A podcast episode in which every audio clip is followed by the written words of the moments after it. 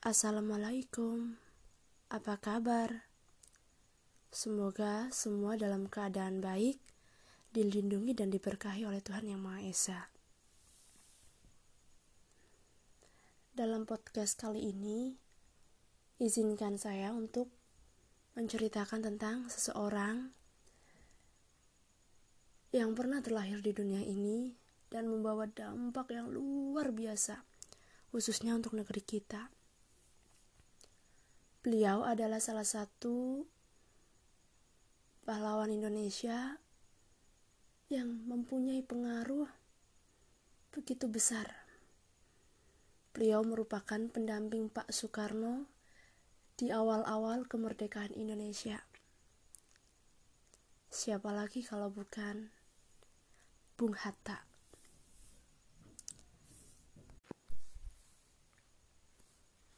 Terlahir dengan nama Muhammad Hatta merupakan seorang pria asli dari Bukit Tinggi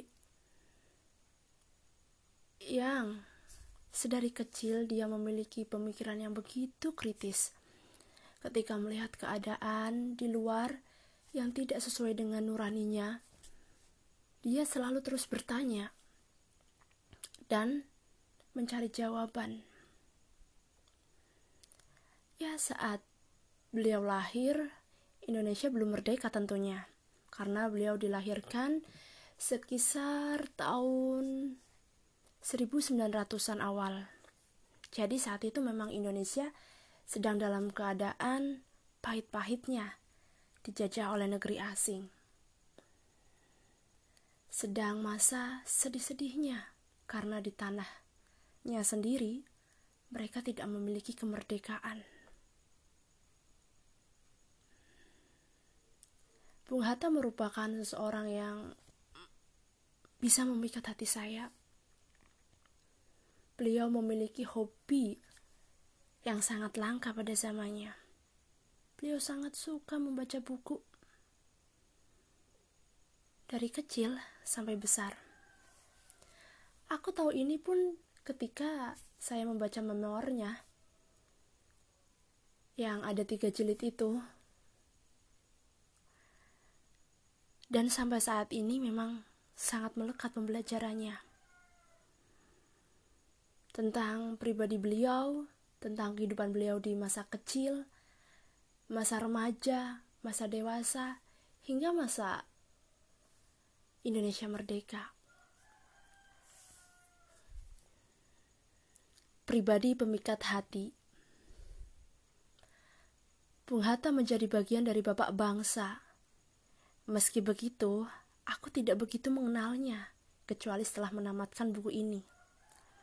Memoir Bung Hatta Berbangkal dari buku biografi Soekarno, Hatta, Syahrir, aku bertekad untuk mencari tahu lebih banyak. Karakternya yang menawan hati, berhasil membuatku bertahan membaca buku ini yang sungguh sukar menurut pandanganku karena memang bahasanya menggunakan bahasa yang bahasa Indonesia zaman dulu kan? Keluarganya mendidik dengan pendidikan agama yang begitu baik. Maka sikap taat dan tertib melekat padanya. Bahkan saat teman lainnya meneguk bir dalam sebuah kafe ia hanya memesan air es yang harganya jauh lebih mahal dibanding bir. Iya, karena memang di sana harga bir jauh lebih mahal dibanding air es. Hobinya membaca buku menjadikannya pribadi yang matang dalam berpikir dan santun dalam berbahasa.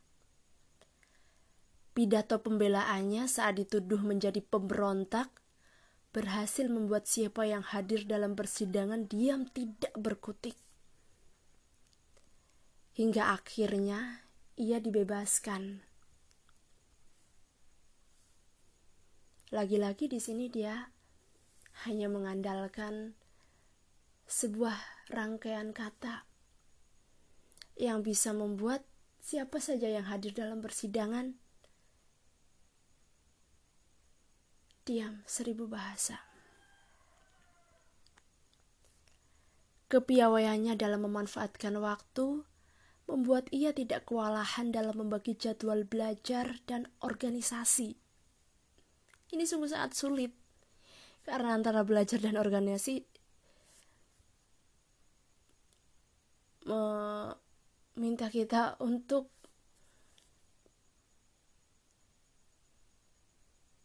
berlama-lama di situ dalam artian menyita waktu. Gelar doktor berhasil diraihnya dengan predikat yang memuaskan. Tanggung jawabnya sebagai bendahari hingga ketua dalam perhimpunan Indonesia pun ia tuntaskan dengan baik. Sebenarnya masih banyak lagi catatan tentang beliau yang tidak mungkin saya kisahkan di sini. Tetapi jika kamu pengen membaca atau lebih tahu le lebih tahu lanjut tentang Bung Hatta. Kalian bisa membacanya. Buku yang berjudul Untuk Negeriku ada tiga jilid. Bisa dipinjam di perpustakaan atau di Gramedia juga ada. Buku ini merupakan buku yang luar biasa menurut saya. Sayang kalau dilewatkan. Terima kasih. Oh iya, kelupaan. Ada satu hal dalam Bung Hatta yang membuat saya benar-benar berpikir, eh, gila ini orang ya. Karena apa?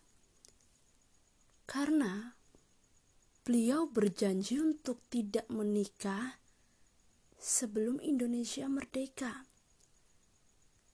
Padahal janjinya dikatakan ketika Indonesia sedang dijajah. Kan gak tahu kapan Indonesia merdeka. Jadi kemerdekaan memang masih dalam angan-angan atau masih sekadar impian, hayalan, yang gak tahu kapan itu terjadi. Apalagi melihat bangsa Indonesia saat itu benar-benar terjajah. Alat perangnya tidak canggih. Orang-orangnya juga masih merasa tertekan. Tapi uniknya beliau berani berjanji untuk tidak menikah.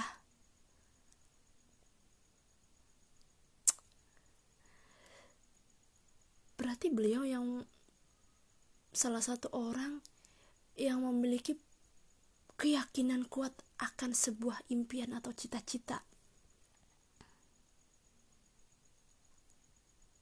Jadi meskipun Indonesia dalam keadaan begitu, beliau tetap yakin kalau Indonesia pasti merdeka.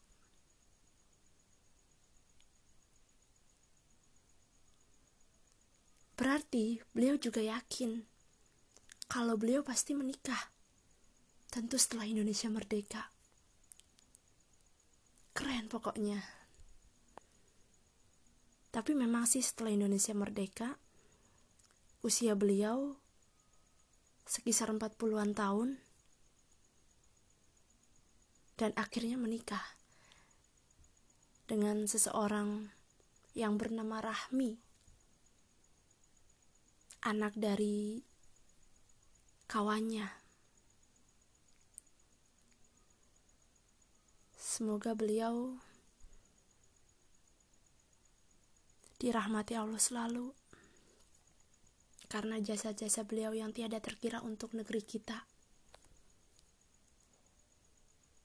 Amin. Terima kasih.